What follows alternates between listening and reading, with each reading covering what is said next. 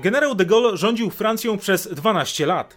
Okresem, w którym osiągał największe sukcesy, była pierwsza połowa lat 60. Udało mu się wtedy m.in. ustabilizować budżet państwa, a także powstrzymać inflację. Ale był to dla niego czas również bardzo niebezpieczny. W 1962 roku cudem uniknął śmierci w zamachu zorganizowanym przez organizację tajnej armii. Zapraszam na ten odcinek serii Po wojnie.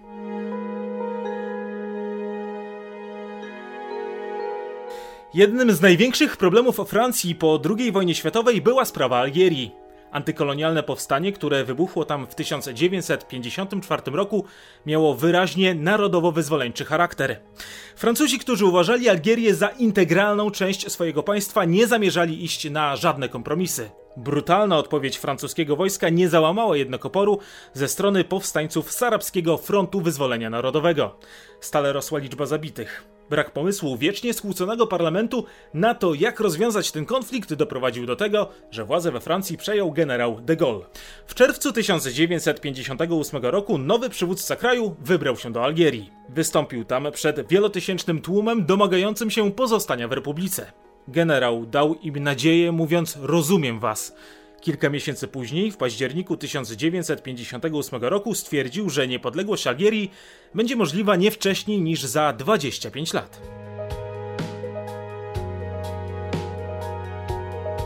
Jednak w kolejnych latach, zarówno w Pałacu Elizejskim, jak i na ulicach francuskich miast, coraz częściej mówiło się o samostanowieniu Algierii.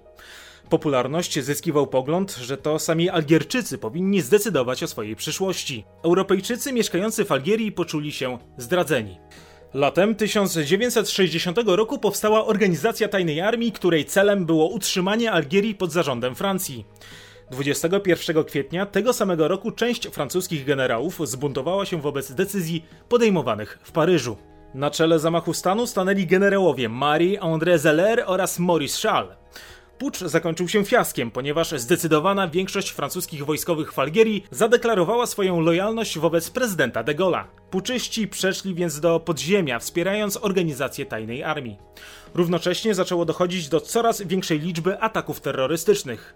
Tylko w ciągu miesiąca zwolennicy francuskiej Algierii dokonali 80 zamachów bombowych. Zginęli w nich również ważni francuscy politycy, m.in. Roger Gavory, naczelny komisarz Algieru.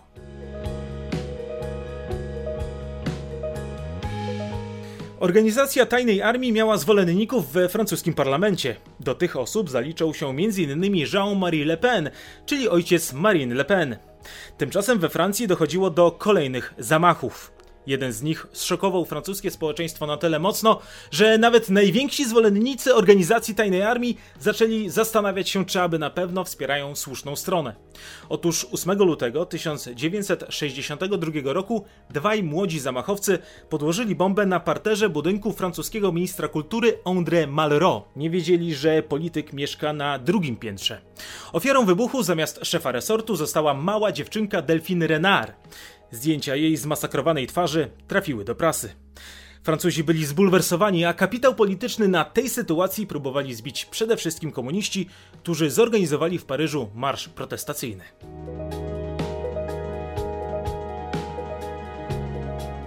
Ale w tym czasie we francuskiej stolicy nie można było organizować żadnych większych zgromadzeń. Na miejscu pojawiła się więc policja. Doszło do starć. Część ludzi próbowała uciekać, taranując pozostałych uczestników wiecu. Łącznie zginęło aż 8 osób. Wśród ofiar znalazły się trzy kobiety oraz nastolatek. Opinia publiczna obwiniała o tę tragedię nie tylko organizatorów marszu oraz służby, ale też organizację tajnej armii. Jej liderzy, aby odzyskać społeczne poparcie, uznali, że najlepszym rozwiązaniem będzie zorganizowanie zamachu na generała de Gaulle'a. W odpowiedzi na te plany francuskie służby umieściły w organizacji tajnej armii swoich agentów. Szpiedzy przez pewien czas zbierali wszystkie informacje, które mogłyby pomóc w wyeliminowaniu potencjalnych zamachowców. Nie trwało to jednak długo, bo dość szybko zostali wyłapani, a następnie zabici.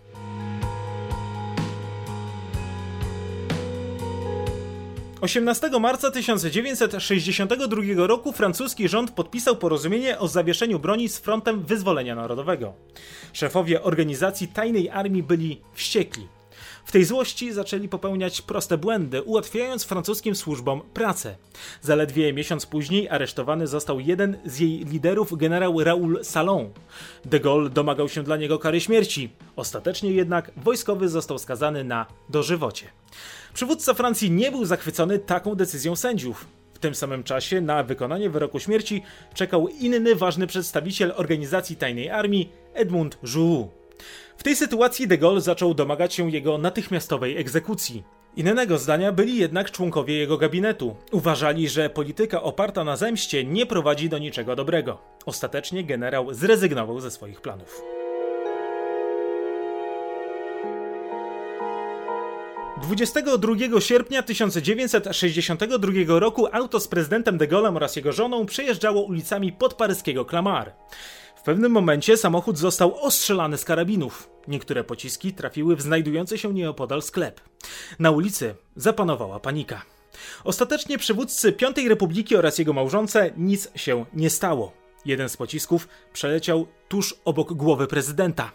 Zamachowcy oddali prawie 200 strzałów, 14 kul trafiło w auto.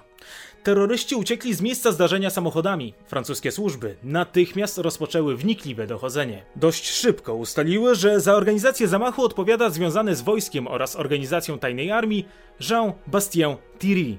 Wojskowy, zeznając przed sądem, uzasadniał zamach masakrą dokonaną w Oranie w 1962 roku. Zginęło w niej wielu Europejczyków. Sprawcami były osoby związane z Frontem Wyzwolenia Narodowego. Tymczasem w lipcu tego samego roku Algieria uzyskała niepodległość od Francji. Bastien Thierry został skazany na karę śmierci, a następnie rozstrzelany.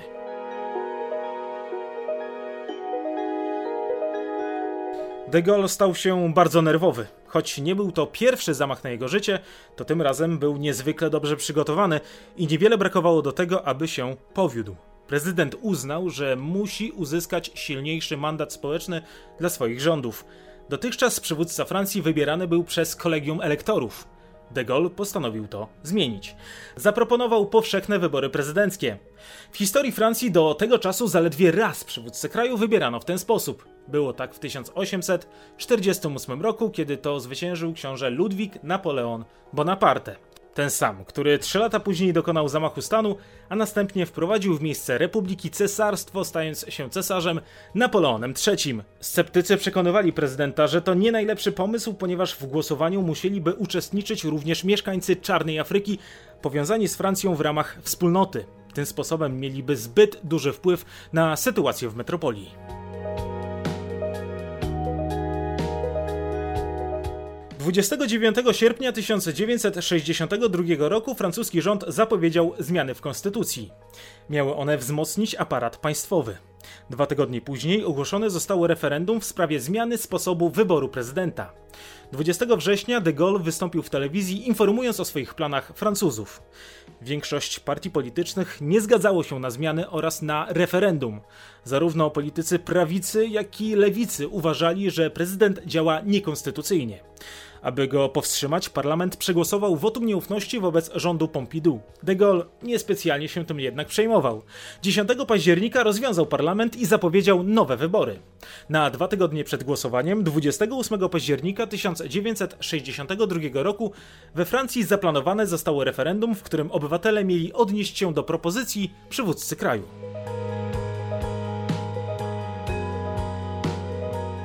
Prezydent straszył Francuzów. 18 października w swoim wystąpieniu telewizyjnym zapowiedział, że jeżeli nie poprą zmian, zrezygnuje ze stanowiska przywódcy kraju. Ta taktyka okazała się skuteczna. Pomimo sprzeciwu większości partii politycznych za zmianami we francuskiej konstytucji zagłosowało aż 62% obywateli. Jednak de Gaulle nie był tym usatysfakcjonowany. Liczył na większe poparcie swojego projektu. Marzył mu się wynik o co najmniej 10 punktów procentowych wyższy. Przywódcę Francji czekało jeszcze jedno wyborcze starcie z polityczną opozycją. W końcu zbliżały się wybory parlamentarne. Jego wizję państwa reprezentowało Stowarzyszenie na Rzecz Piątej Republiki. Wyniki wyborów były wielkim politycznym zwycięstwem de Gaulle'a. Stowarzyszenie otrzymało aż 32% głosów. Był to rekordowy wynik w historii wyborów parlamentarnych we Francji. Nigdy wcześniej żadne ugrupowanie nie przekroczyło progu 30%. Komuniści otrzymali 21% głosów. Kompletną klęskę poniosła prawica. Premierem ponownie został Pompidou.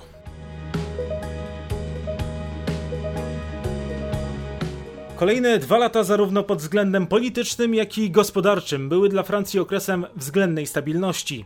Utrzymywało się niskie bezrobocie, rósł poziom życia Francuzów. W relacjach między prezydentem a premierem panowała pełna harmonia. Jedynym poważnym problemem, z którym zmagał się wtedy francuski rząd, były strajki w górnictwie. Związane było to z restrukturyzacją tego sektora gospodarki. Zamykane były nierentowne kopalnie. Do jednego z największych protestów doszło we wrześniu 1962 roku w zagłębiu Decazeville. Planowano tam ograniczyć wydobycie węgla do minimum. Prezydent zapowiedział, że jeżeli górnicy nie powrócą do pracy, to narażą się nie tylko na utratę zatrudnienia, ale też poniosą odpowiedzialność karną. De Gaulle swoim postępowaniem nie tylko zaostrzył spór, ale też doprowadził do tego, że przez cały marzec 1963 roku w całej Francji trwał strajk branży górniczej. Zakończył się on dopiero 2 kwietnia. Rząd zgodził się podwyższyć górnicze płace. W zamian strajkujący musieli pogodzić się z dalszą restrukturyzacją. De Gaulle walczył też z inflacją. Zapowiedział realizację planu stabilizacyjnego. Przewidywał on cięcia budżetowe, ograniczenia kredytu, zamrożenie cen wielu produktów oraz zahamowanie tempa wzrostu płac. Plan okazał się skuteczny.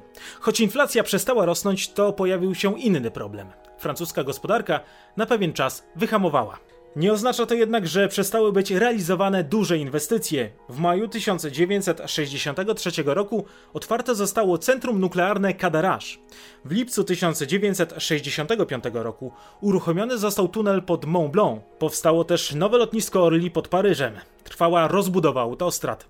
Produkcja brutto utrzymała się na poziomie co najmniej 5%. W skali świata Francję wyprzedzała jedynie Japonia rosły zarobki Francuzów, co miało wpływ na wyniki rządów w sondażach opinii publicznej. De Gaulle uzyskiwał w nich co najmniej 40% poparcie.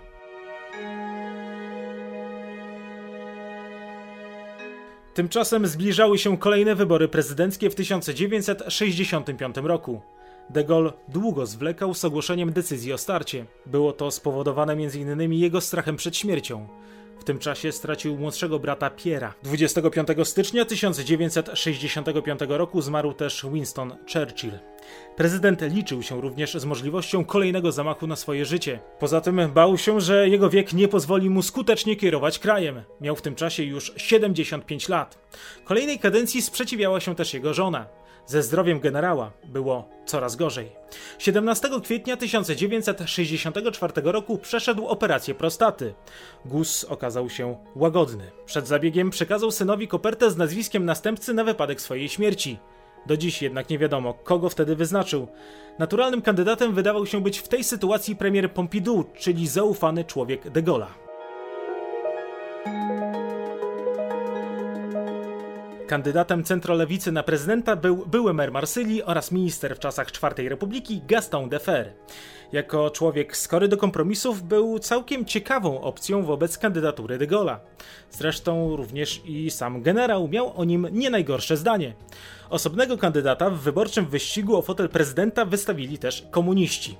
Tymczasem de Gaulle długo nie chciał ogłosić decyzji o starcie w wyborach. Cały czas zastanawiał się, co zrobić. Obawiał się, że Pompidou nie poradzi sobie w tej roli, szczególnie wobec wyzwań, jakie czekały Francję w polityce zagranicznej. Uważał, że premier byłby świetnym prezydentem, ale w spokojniejszych czasach. Do podjęcia decyzji o wystartowaniu w wyborach skłoniło go nie tylko poczucie misji, ale też sondaże przedwyborcze. W czerwcu 1965 roku generał mógł liczyć na 50% poparcie. Tymczasem kandydat centrolewicy w tych samych sondażach uzyskał 29%, a komunistów zaledwie 10%. Jeżeli zamiast de Gaulle'a wystartowałby premier Pompidou, wówczas uzyskałby taki sam wynik jak lider opozycji. To mogłoby zwiastować porażkę obozu prezydenckiego. Ale na 5 miesięcy przed wyborami opozycja, nie mogąc dojść do porozumienia, ponownie się podzieliła. 25 czerwca Defer ogłosił, że wycofuje swoją kandydaturę. Nowym kandydatem socjalistów na prezydenta został François Mitterrand, czyli jeden z największych krytyków generała. Członek ruchu oporu oraz wielokrotny minister w czasach IV Republiki zdawał się być ucieleśnieniem sprzeciwu wobec Piątej Republiki. De Gaulle potraktował jego start bardzo osobiście. Szczerze go nie lubił. Z podjęciem decyzji o starcie w wyborach zwlekał jednak niemal do samego końca. O tym, że będzie ponownie ubiegać się o prezydenturę, poinformował Francuzów w wystąpieniu telewizyjnym 4 listopada 1968 roku, czyli na trzy tygodnie przed wyborami. Mówił, że zwycięstwo Mitterrand będzie oznaczało dla Francji powrót do chaosu i czasów czwartej Republiki.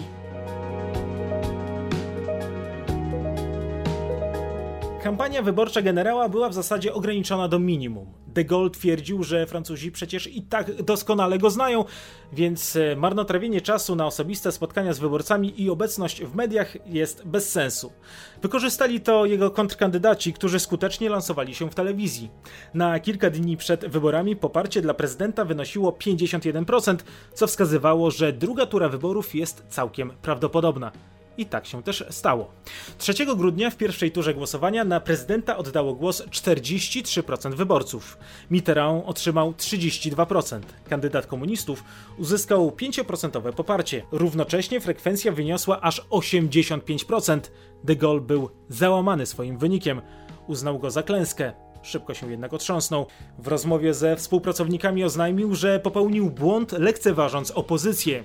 Jego taktyką na zwycięstwo w drugiej turze było akcentowanie haseł związanych z budowaniem jedności narodu. Kreował się na kandydata ponad podziałami. Zgodził się też na częstsze występy w telewizji. 14 grudnia w paryskim Pałacu Sportu odbył się wielki wiec poparcia dla urzędującego prezydenta. Wzięli w nim udział zarówno premier, jak i ministrowie rządu. Sondaże tuż przed drugą turą wskazywały, że de Gaulle może liczyć na 55% głosów. Kolejna tura głosowania odbyła się 19 grudnia 1965 roku. Mimo złej pogody, ponownie frekwencja była bardzo wysoka.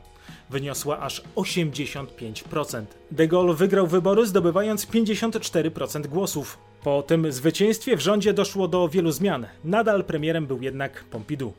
Jakie były dalsze losy Francji oraz prezydenta de Gaulle'a, tego dowiecie się oglądając kolejne odcinki serii po wojnie. Ja tymczasem dziękuję za uwagę, dziękuję też Kati, Merey, Renault z Klerą we Francji za pomoc w realizacji odcinka. Oczywiście, jak zwykle, zachęcam do subskrybowania kanału. Do usłyszenia.